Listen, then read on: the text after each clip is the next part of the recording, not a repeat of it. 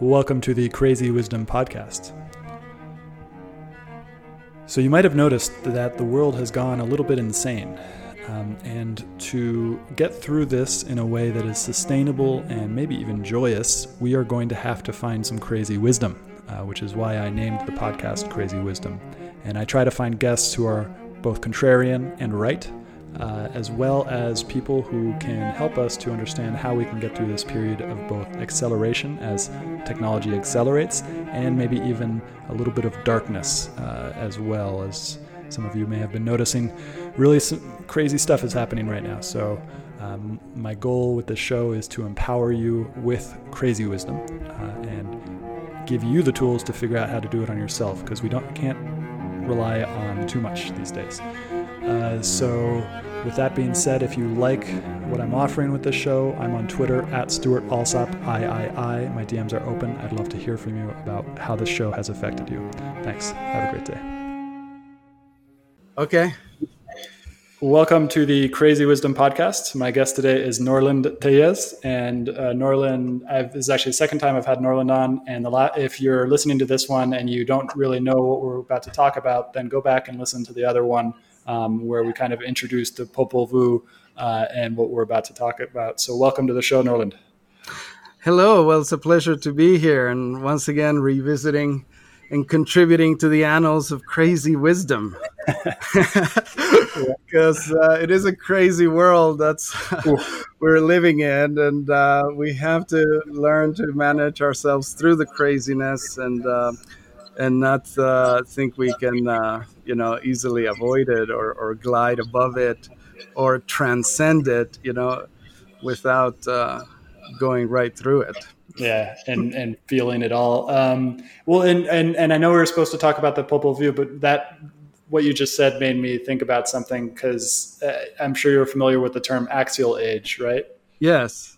Yeah. So, and I've been thinking a lot about and I, I, you know, I, I, don't, I don't, I haven't researched this, so I don't know how much of it is actually just popular fiction. But the the the Mayan calendar ending in 2012, how much of is is that is that kind of just like new age imagination? Yeah, yeah.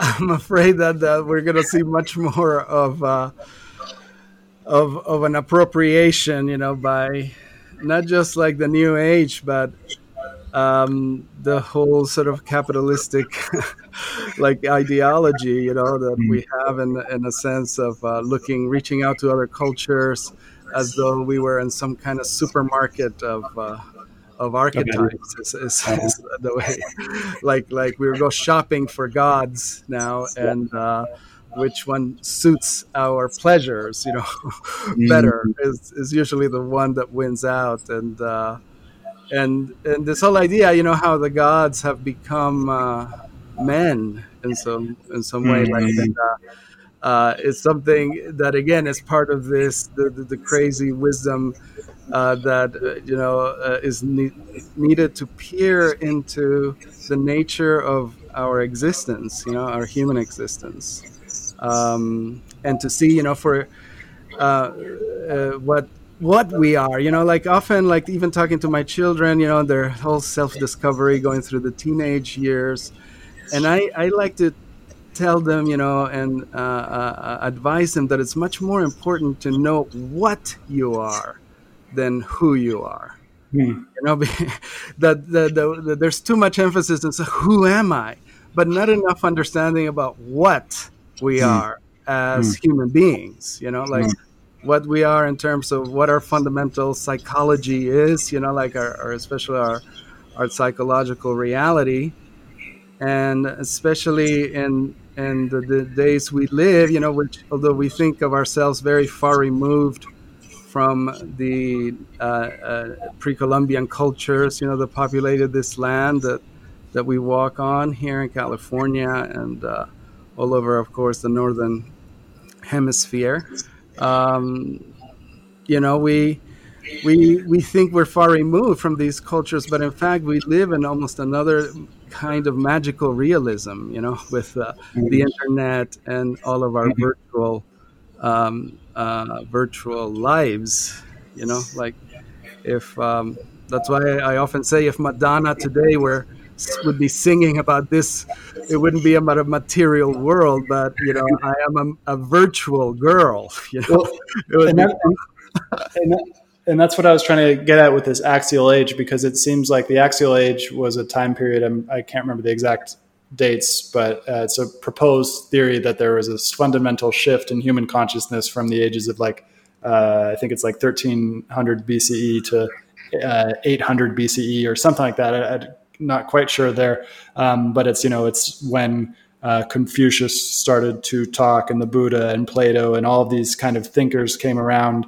Um, and it seemed to be a fundamental shift in the way that human society is going. And now, now it seems like we are about to. It seems like we're not. We're we're the it's not we're not in a beginning stage yet we're in the ending stage where where the last the where, where that whatever got started in the axial age is now coming to an end uh, and it might be a very very chaotic end um, uh, and then and then something else is going to arise that is is is fundamentally different from what came before what do you think about that well, certainly, like uh, I think we all have a, a, feeling that we live in apocalyptic times. That mm. in some, that in, in some, you know, like unprecedented way. But but this, and this is we got to go back to this notion of unprecedented because uh, in in some unprecedented way, you know, we stand at the end of times. You know, like mm. the the the end of human history, the end of life, even on Earth mm-hmm. you know the uh, and certainly of the possibility of organized human life we're seeing uh, you know just the deterioration of the very fabric of society and the failures you know of the system which was already failing you know but this pandemic really made it uh, much more obvious that the system which we have believed in for a long time you know in which we had taken as our religion um, has really falling apart before our eyes. Hmm.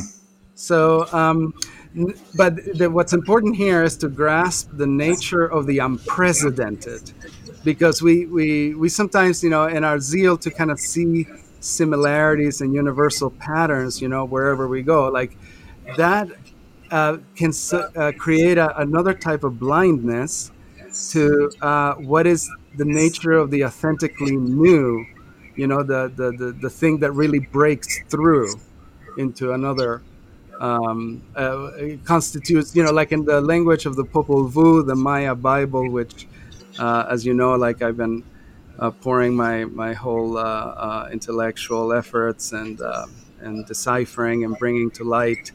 The Popol Vuh is very prescient when it comes because it is a, a book about dawns of creations, about cycles of creation and destruction and about the possibility of breaking through not just you know like another repetition of the same universal pattern you know but a breaking through to a whole other level or syntax eh, of universality itself you know mm. so this is very crucial because that is really the soul of history is what the, the, what is born what is giving birth uh, after millennia, you know, and something comes into being that has not been here before. Mm. And this is a miracle that, you know, is repeated, you know, in our very individual existences. I mean, you, Stuart, you have not been here before. This is mm. you are a new miracle you know even though there's people who look like you for example.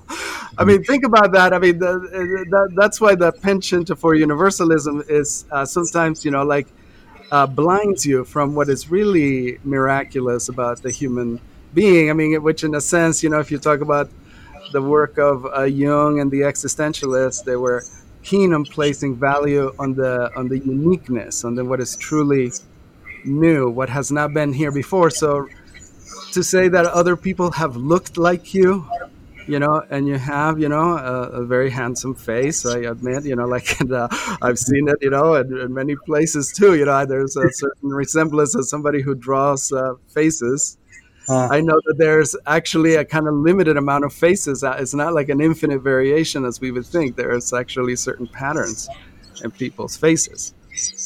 But, but imagine universality. But then, but then, what you're saying is that that universality then blinds us to the fact that each face is somewhat unique, even though there's a structure.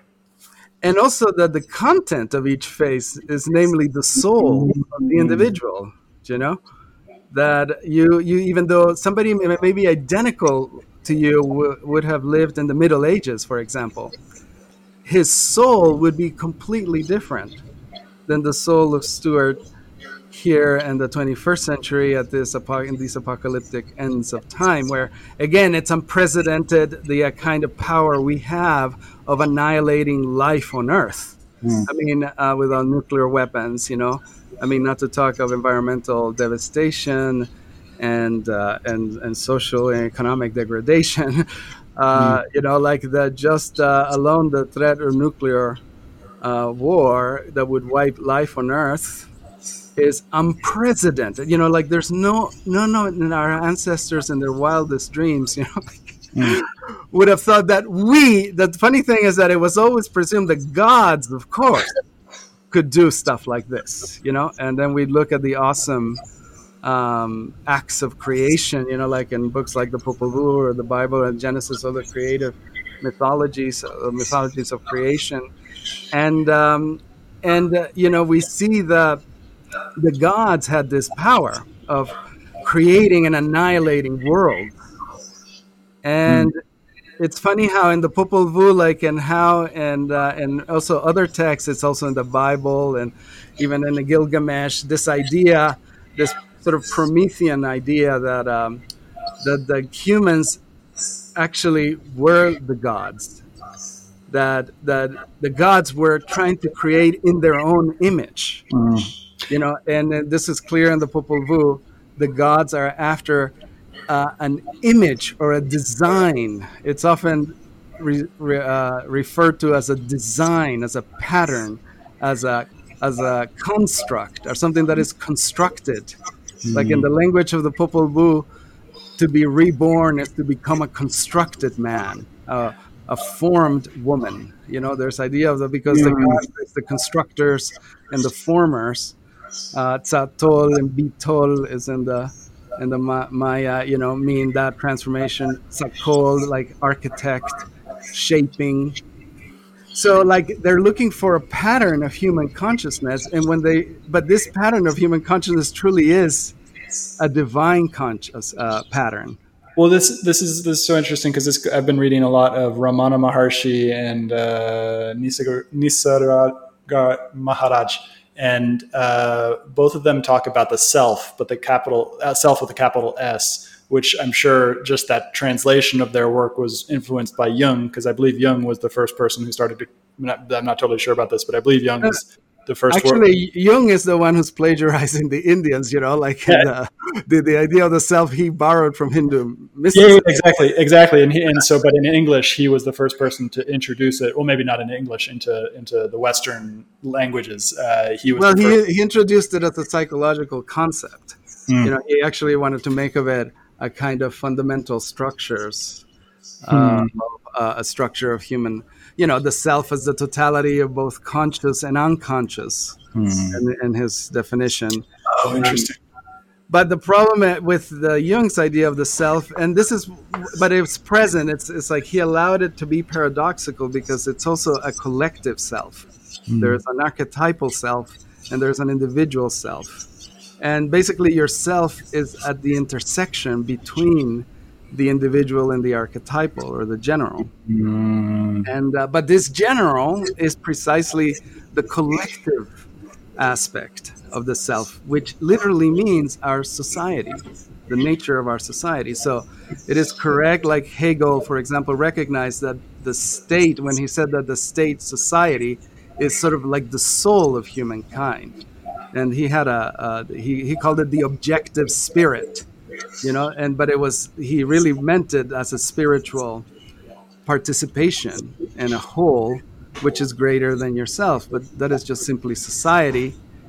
And uh, unfortunately with the jungian lens uh, which is a little bit sociopathic i have to say that if you read jung's biography and so if you realize he had a, a definite strain of sociopathy. I mean he didn't like people he wanted to stay by himself, and in the end, you know, he built this tower. I mean, it, he was like, there was a, he's a solipsist in the in the in, in the truest sense. I mean, because uh, his self is so individualized, and and he only has negative things to say about collective human action. Anytime like there's collective human action is reduced to uh, mass psychology, you know, mob mindedness, and so on, uh-huh. like very negative. He never thought that actually collective action can be meaningful and it can be like the, the highest achievements of humankind and and like in things like uh, the, the constitution the us constitution or you know a new um, uh, uh, uh even scientific as we know like uh, discovery uh, it depends on a collective network mm-hmm. this is this is something i've been i've been thinking a lot about which is that like western enlightenment rational rationalist thinking was all about the individual and the humanist and the kind of like human rights through an individual. And it seems like that was kind of an aberration uh, from other a lot of other cultures, which were more collectivist and, and things like that. And that's what I see us going is like because both both of them are just stories. The idea that we're only part of the collective, or the idea that we're only part of as an individual. Both of those are just stories about reality, and maybe it's both. What do you think about that? No, well, it's absolutely both. I mean, I think that, um, but also, you know, if you're like, for example, Chomsky, Noam Chomsky points all the mm-hmm. time that it's precisely the Enlightenment that has ideas about collective, you know, solidarity and and general like things like the commons, for example, is a concept that started to emerge. But also like in terms of the social contract and our liberal democracies and so on, all of these uh, see, democracy is the real threat here. I mean, when people talk about, you know, what are you going to replace the capitalist system? Because what you're talking about is much more related to capitalist ideology than mm. it hmm. to Western civilization. You know, every time somebody it, it throws out that monstrous term, you know, I always cringe because Western civilization is so complex. I mean, yeah. you're going to find all kinds of strands yeah. all kinds of ideologies. See, Western civilization is not an ideology. It's uh just, uh, you know, this is the way ideologues, to be sure, like a Jordan Peterson, for example, like likes to throw in, the, and a lot of these conservatives, like, oh, you know, threat to Western civilization, where they are the biggest threat. You know, these so-called defenders of, of Western civilization, um, and uh, so like we we are talking about a specific ideology hmm. and which has to do uh, is the capitalistic ideology and its emphasis on individualism and the hyper, you know, the titanic individual, very obvious in the works of Ayn Rand, but it's also there in Joseph Campbell as it is in, in Carl Jung. Hmm. You know, they both they all share. It's funny that you all those those three uh, uh, sleep in the same ideological bed when it comes to this deification of the individual and then at the expense of the, of the group. Hmm. You know, like, and um, and that's where the Popol Vuh, something like the Popol Vuh, for example, like, and its vision of being the book of the people. You know, Popol is actually a term which is related to the community house, the Popol Na, as it's called, which is the hmm. place where all the chiefs and uh, and the people would come with their mats they're petates. They're there were straw mats that were woven. You know, as we know, like it's, it's to this day a huge uh, industry among the Maya, weaving mm. of, of petates. But this actually, the petate is the pop, which is the the root for the Popol Vuh. So it literally the name Popol Vuh means the book that pertains to the mat. Hmm. But understood, understanding that the mat for in, in Quiche society was equivalent to the, a symbol of the interlacedness and interwovenness of human society. Hmm. And where each individual member was like a fiber in that mat. And we all sort of, the mat symbolized literally the social fabric, the social and symbolic fabric of a, of a community, of a society, of a civilization.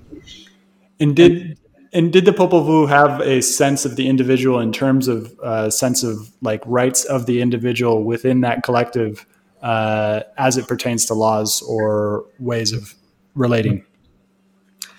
Well, I mean, it, it's interesting because um, the the it, to be sure, you know, like the the Maya, uh, and uh, and this is true of mythological thinking I think in general, is that it's always a thinking by means of opposites. So hmm. it's always a, a, dialectical approach. So, so uh, uh, of course, you know, whenever you want to separate the collective from the individual, of course, it's both. You know, like the collective is a hmm.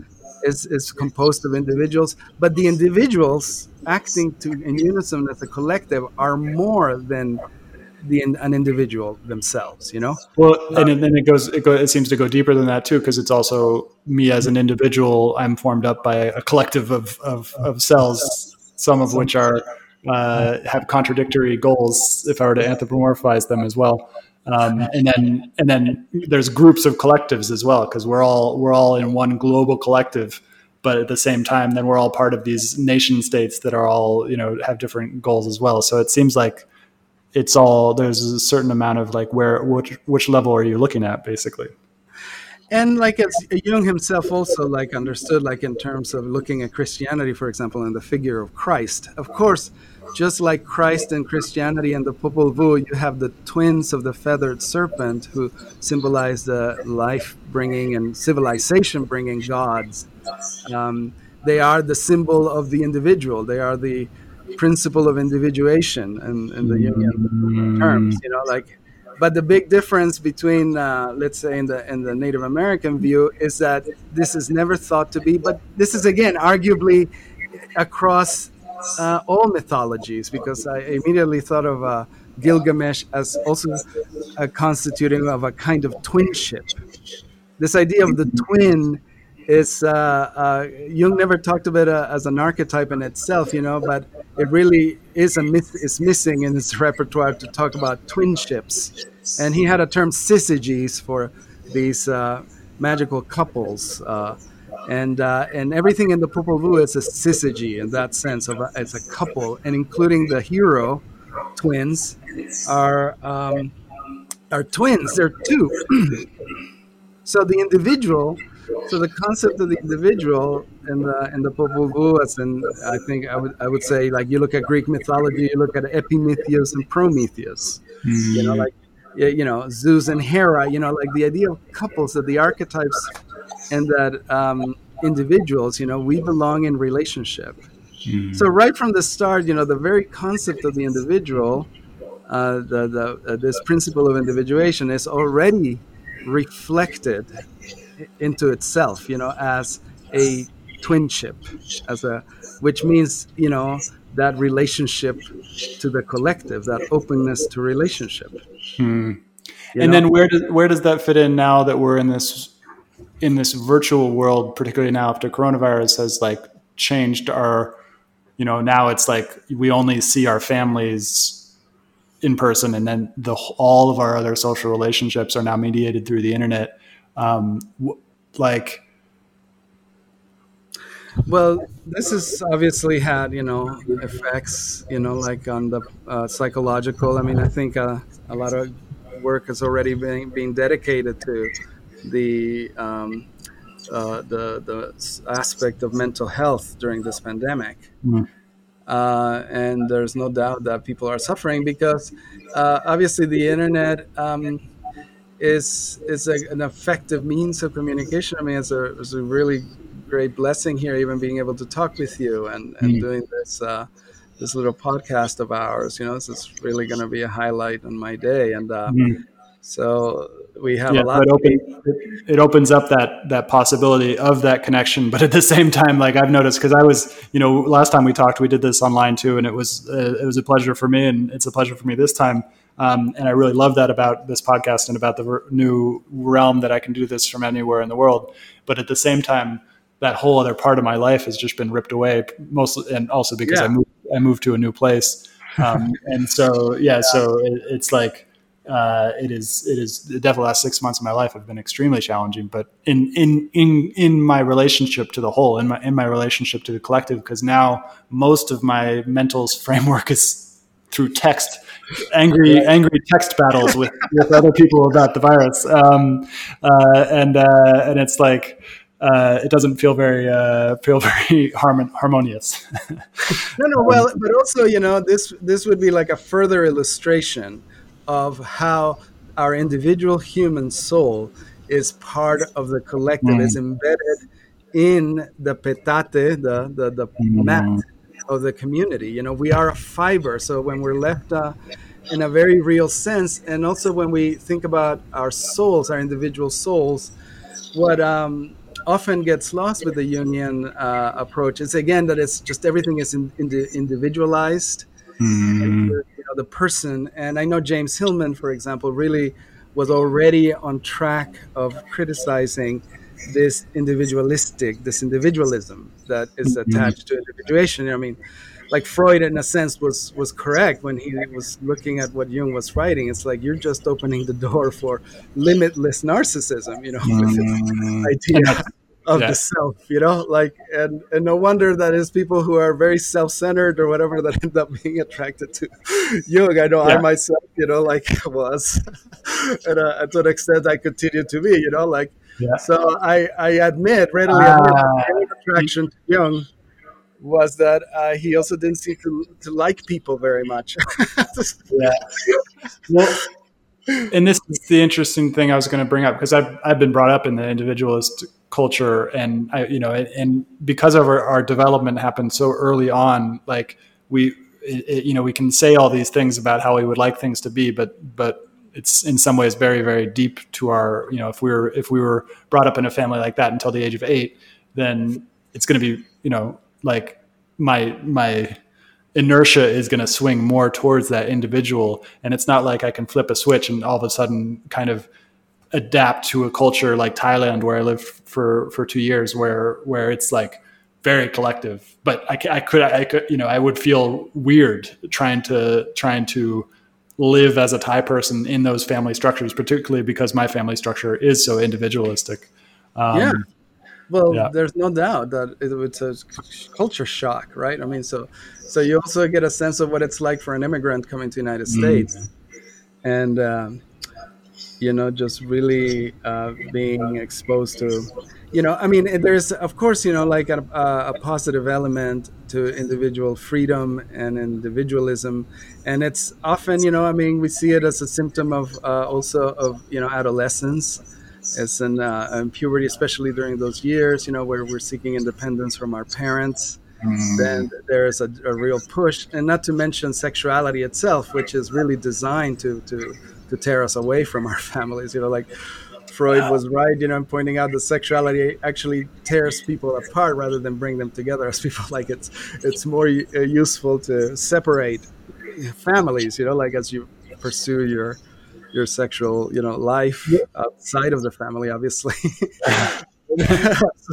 Although for us, Freud's uh, studies show, right, we we'd rather stay in and then uh, not uh, leave. And so, like. Um, there's always that possibility of the incestuous relationship, you know, like, and, uh, but in either way, you know, like we have to see that, um, what we, what you think of as like individualism is never literally by yourself alone. You know, hmm. like it's it, always it, individualism and individualism um, in relationship to the collective. Yeah, because when you go into flee into your individualism, for example, like then you flee what into your online life, you know, into like into right. I mean, yeah, you go right to the collective.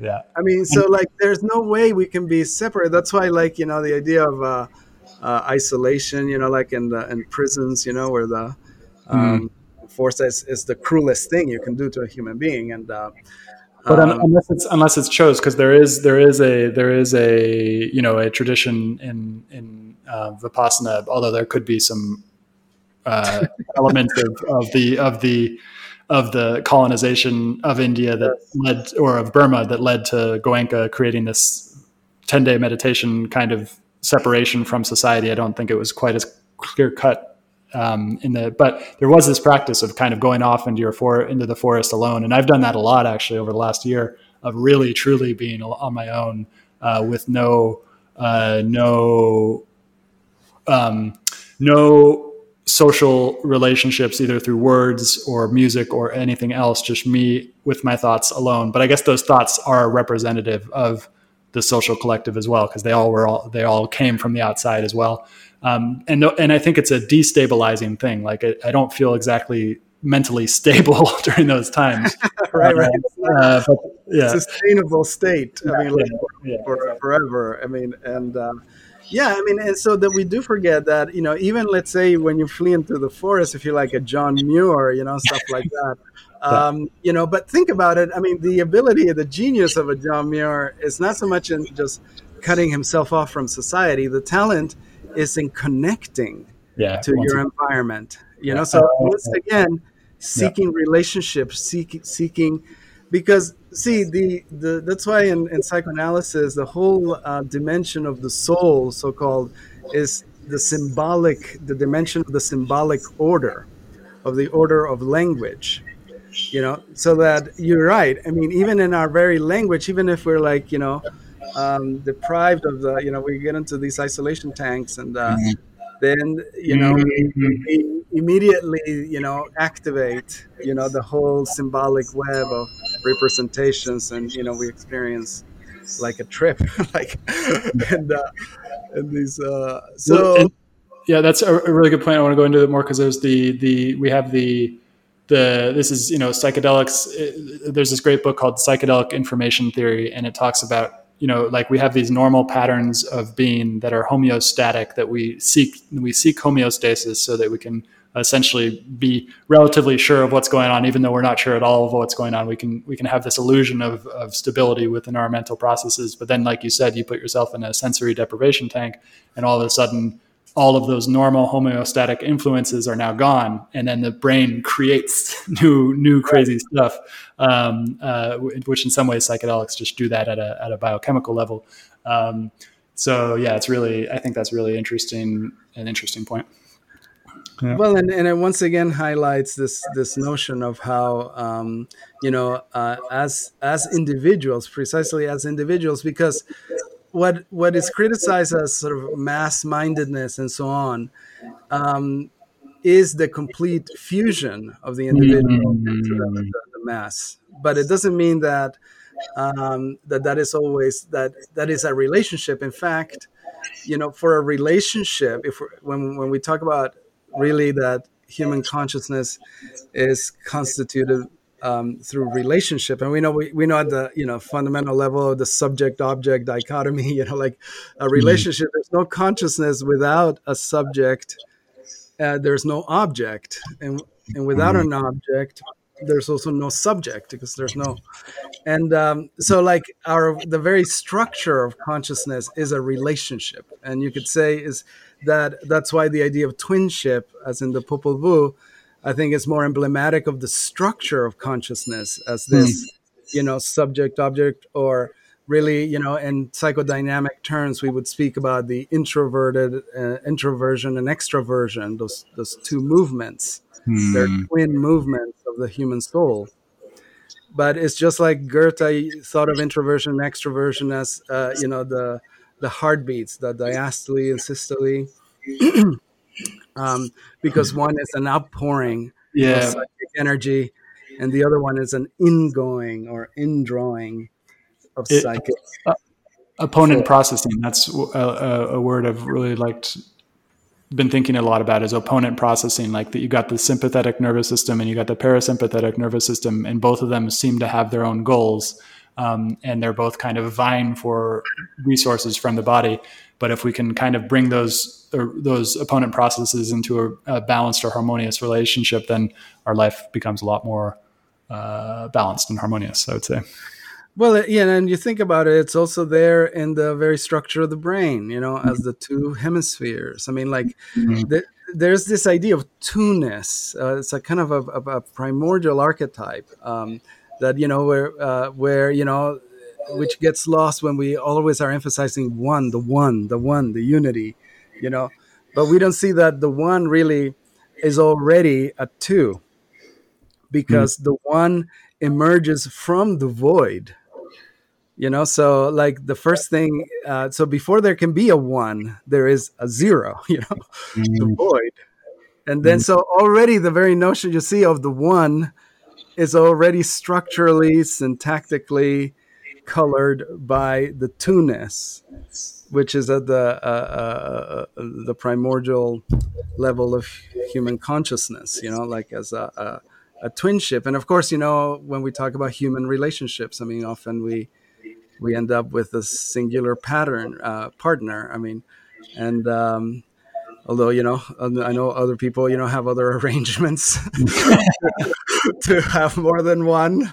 Yeah but ideally speaking, you know, is the one that is uh, creates your two-ness. Mm. You know, hmm. so that's why, I like, rather than oneness, I would like to speak of two-ness in the language of the Popol Vuh of Hunahpu and Xbalanque, uh, the feathered serpent twins. You know, one is masculine, the other feminine, and uh, they both belong to the order of the feathered serpent, which is the order of the word of the creative logos uh, with which the gods create heaven and earth and then the human race you know and um, but it's it's interesting as, as, I was telling you at the beginning that looking at the Popol Vuh, uh, uh, recently working uh, with that point, which I hadn't uh, uh, focused on as be- before. I was I really studied uh, during my dissertation years the the mythological, the more strictly mythological aspect of the Popol Vuh. But uh, now I'm becoming more intrigued by that transition where mythology becomes history, mm. and the gods finally achieve the goal of the fourth creation with the emergence of the people of the corn. They are the the summit of creation. They are what the gods were were looking for. You know, if uh, the gods would have been singing the song they had found in the people of the corn, what they were looking for. You know, and um, but they were, but you know, it's just like the gods had to learn the Freudian wish that you better be careful what you wish. You know, the Freudian lesson uh, that you got to be careful what you wish because when they did create precisely the type of being that they sought, they realized that this creature too was like a god. And that's and that's where we are now, essentially, right? Where it's like where we have these powers of the gods uh, and, and essentially yeah yeah i mean for sure like historically we have seen but the interesting thing here is the what i wanted to highlight is the fact that then the gods take measures against this which is we're going to see like this uh, because they really feel their power threatened. So they decide to half blind humanity. And they had the heart of sky the heart of earth you know which is the, the triple thunder god the, the trinity which is uh, uh at the heart of creation. And it, it takes measures to blind to kind of fog up the mirror of the intellect of the hu- human being so that they could only we could only be clear it says about what was near and mm. not what was far so um, in the um, uh, you know translation um, by by dennis tedlock it goes like this so um, so then, as the and when they change the nature of their works, oh, let it be this way. Um, what should we do with them now? Their vision should at least reach nearby. They should see at least a small part of the face of the earth. But what they're saying isn't good. Aren't they merely works and designs in their very names? Yet they'll become as great as gods unless they procreate and proliferate at the sowing, at the dawning, unless they increase. Let it be this. And and it's funny because it's funny that they're saying here, you know, uh, that they would be like gods unless they would become, you know, uh, uh, family guys. like, I said, they would increase and uh, and uh, and multiply less. And it's funny that right after this, uh, which is basically a kind of curse that they uh, on on humanity, uh, they create the, the wives of the first four men.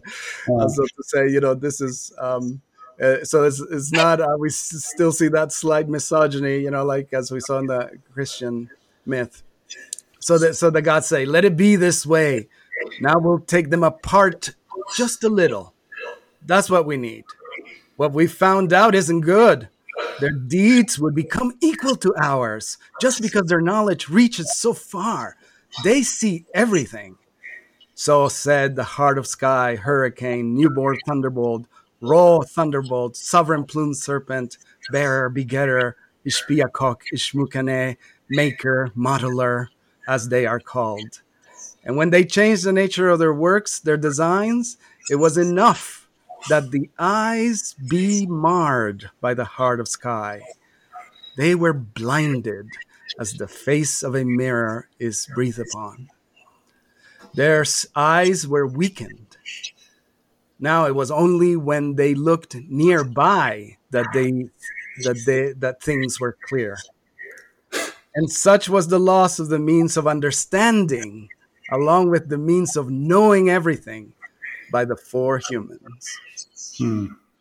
Interesting. So, so there you got the primordial curse on humanity, you know, which we also see like in the Garden of Eden when the Adam and Eve are are prevented from re-entering the garden because of the uh, and and actually eat of the fruit of the tree of life. Remember that was and the angels stood out and they said, "You have to get out. If they were to touch this tree, they would be gods." You know. Mm. So and that, yeah, and that and that, the, the there's the you know the understanding with a capital U, which is like seeing things both both close and far, um, and the totality of everything. Uh, and then we've lost that for this essentially the, the this good and evil type of ability to discernment uh, in our close vision type of situation, which maybe even would talk about science. Am I getting that right?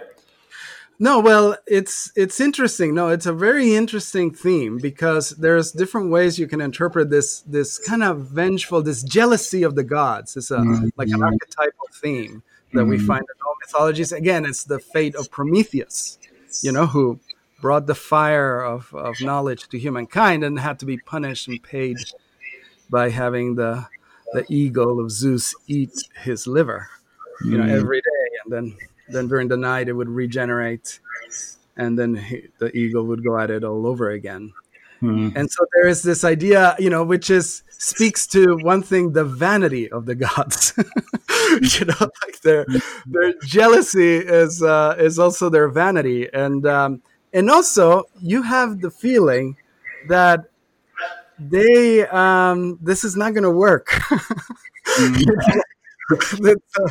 they went too far. You know, this is also very notable gesture in the history of philosophy, uh, where you see, like in Kant, famously, where he goes too far with mm-hmm. his kind of like eh, by being just simply strictly logical and rigorous, his conclusions take him too far from his own you know uh, belief systems so, mm. so then there is the, the the the fear okay of the idea okay we have to re-gentrify this. We got to bring it back into the fold and sort of his relationship to christianity and, and religion within the limits of reason. Like that's one of his books has to do with that with kind of reeling religion back in you know like because you know reason had gone too far and basically disproving all the uh, and and as we've seen, you know, steadily, I mean, in in, in the history in, in our history, that the more scientific the treasures of human knowledge become available to the majority of people,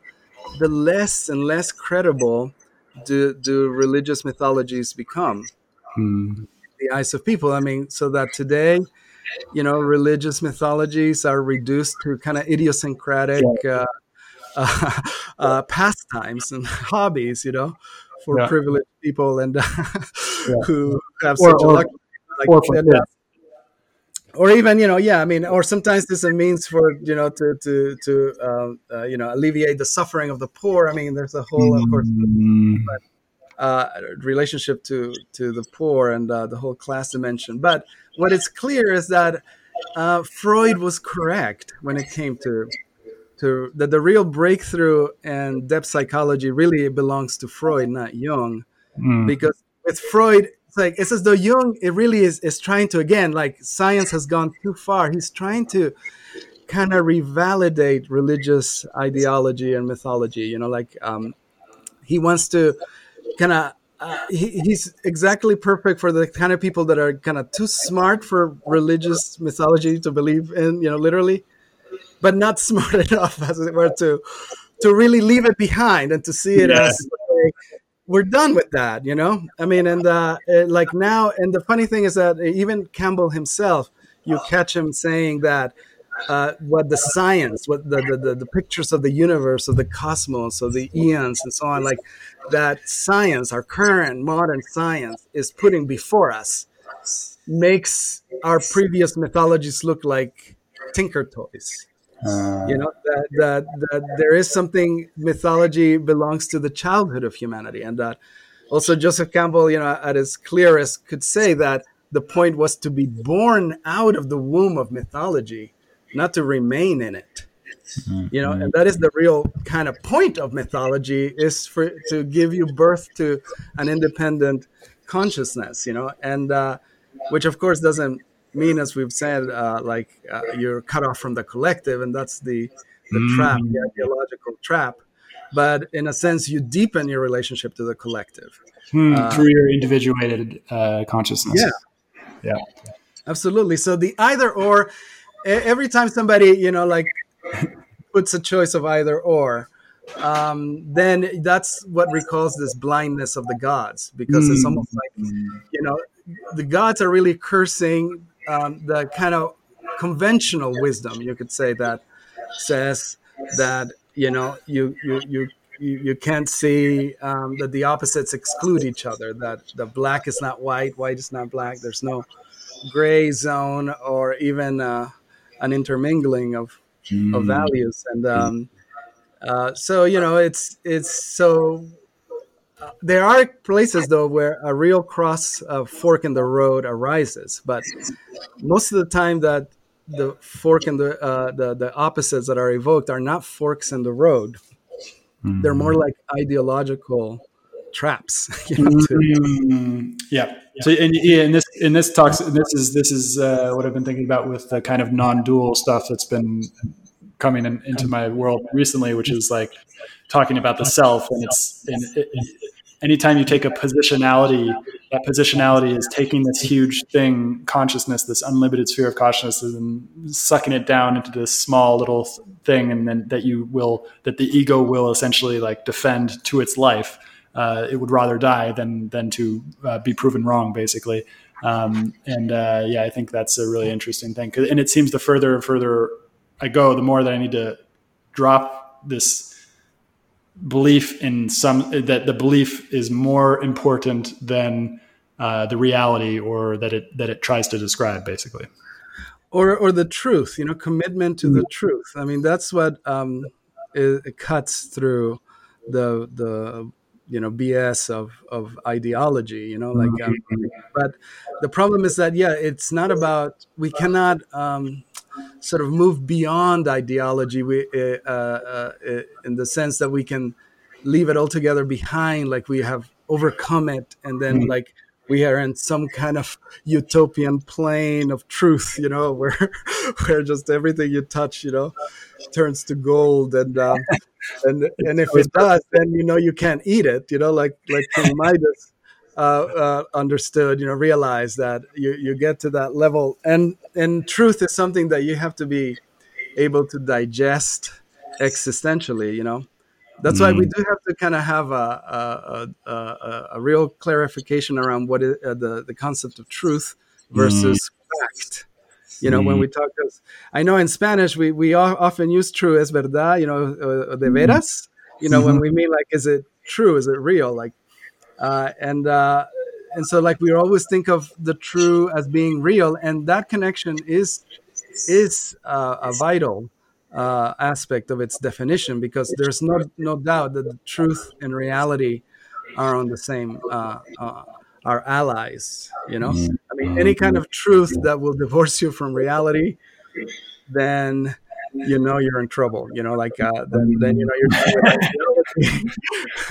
and that that truth you know? So truth also is like going back to heraclitus and the the philosopher of the logos where he he understood that you know uh, in the eyes of the logos all is one and that truth is one. So there's no such thing as a private truth you know? Like mm-hmm. whenever somebody has talks about private truths then those are called ideologies Again, they're belief systems, but they're not truths. They're just simply what you believe in.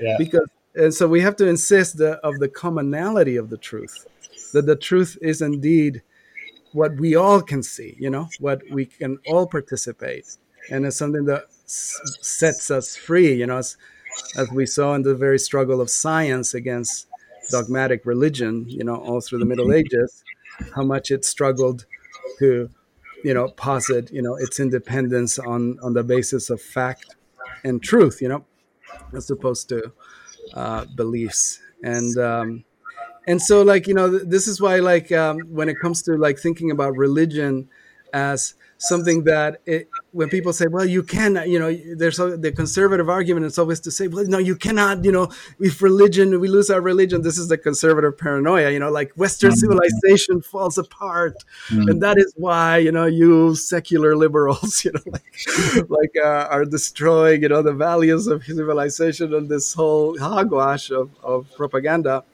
that unfortunately a lot of people believe um, because you know they um, are too much you know they're completely swallowed into ideology and Mhm. um, so it's it's important to wage that fight of truth in in the battleground of ideology i mean like that's what, what i was saying is like you cannot escape into some transcendent you know uh, kind of plane of truth where you're suddenly not caught up in some ideological fantasy Mm. you know um, so but the only way to deal with that is that you constantly have to be thinking you constantly have to be criticizing and, and working through Yeah. because we, we are an ideology we are in mythology the minute we open our mouth to speak Yeah, exactly. Yeah. you know what i mean the, the Yeah. minute the first word leaves our mouth we are in a myth you know Yeah. this is uh, Yeah. what wittgenstein you remember wittgenstein was uh, famous for for saying how his philosophy was uh, a way to show the fly out of the bottle you know, to, to like uh, because how how we are caught up in, in in the mythologies of the language we use you know Mm. so uh, a lot of the things that so there's this overestimation of, of psychic that's what magical thinking is about you know of the uh, this idea that you know if you think it is true i mean this wishful thinking and you know that's very powerful in our culture you know this whole you know with the positivistic you know uh, psychology or, or pop wisdom you know to tell you to think positive stay away from it. And um, so like and, and all that does is reinforce ideology you know in us. And um, not the the edge of truth you know because there is another register of truth which also you know besides being allied to science and fact there's also the registry of uh, of let's say the existentialist edge of Mm. truth which Mm. has to do with the truth that you live by Yeah. and uh, the truth. So this is why ideology is the truth that we pay lip service to. you know, like that's what we, we you'll catch us talking about. But a real truth, that is a real belief system, is much more embodied in our actions. You know, like and and what we do, and and that's the existentialist edge. I mean, the existentialist uh, which I think is very relevant. I mean, we're the ones to point out that your philosophy is in, in how you behave, how you how you are, you know, rather than what you say you believe.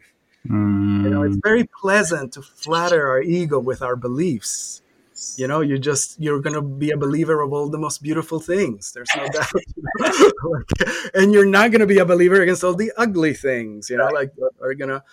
But that has nothing to do with the quest of truth you know like only insofar as you take it as an opportunity to demolish to deconstruct and to kind of blaze a path of truth in this forest of fake news and lies which there's a lot of right now. Okay, Norland, I, I have to. I have actually an appointment at the moment, but I, this has been a lot of fun, and uh, we should definitely do it again. I'm going to have Norland on to uh, uh, do another one in Spanish as well. Uh, so thank you so much. And how can people find out more about what you're working on? well always visit my site uh, norlandtellez.com and uh, that's basically the hub i mean the, uh, towards the different projects that i'm working on and and also my blogs on the joseph campbell foundation and jcf.org where i'm a regular contributor Mm. And you're on uh, you're you're on Twitter too at at Norland Tellez, right? At Myth Historian. Ah, that's right, Myth Historian. Cool. Historian, yeah, yes, to be sure that that, that is me. So thank you very much. It's been a pleasure. And uh, yeah, uh, la próxima vez lo hacemos en español, pues sí. Vamos a hacerlo.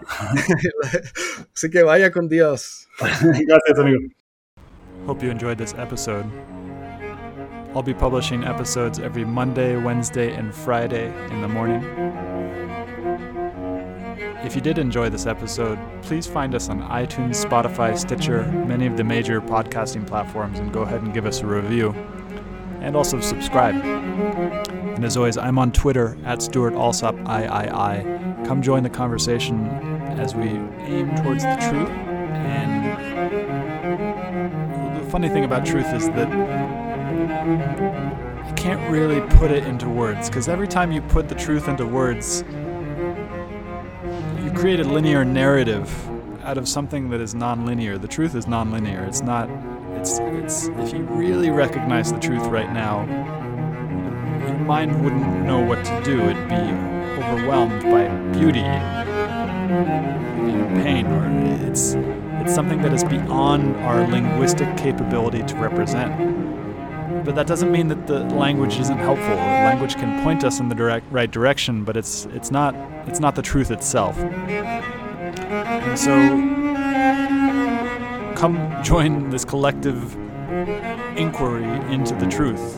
Find me on Twitter at Stuart Alsop III. Uh, subscribe to the podcast. Share the podcast with your friends. Uh, most people don't have the ability to let go of this linguistic understanding of the way that the world works and just aim for the truth regardless of what the language tells us. Uh, and so I think what I'm doing with this this show is is necessary for us because as we enter this stage of uncertainty uh, and we are most definitely entering an age of uncertainty. And as we do, it's really, really important that we stop paying attention to what the mind is telling us the. Doesn't mean to say that the mind doesn't have its place. The mind obviously has its place, but it's just one of the senses. It's just one of the tools that we can use. We can use the mind, we can use the feelings, we can use our actual senses. Uh, we can check our intuition with other people because sometimes the intuition tells us the wrong thing as well. Sometimes the intuition is wrong. So it, we can't we can't rely on any one tool to get us there. So come join the show. Find us on iTunes. Find us on Twitter at Stuart Alsop III. Uh, and come join the, this inquiry for truth.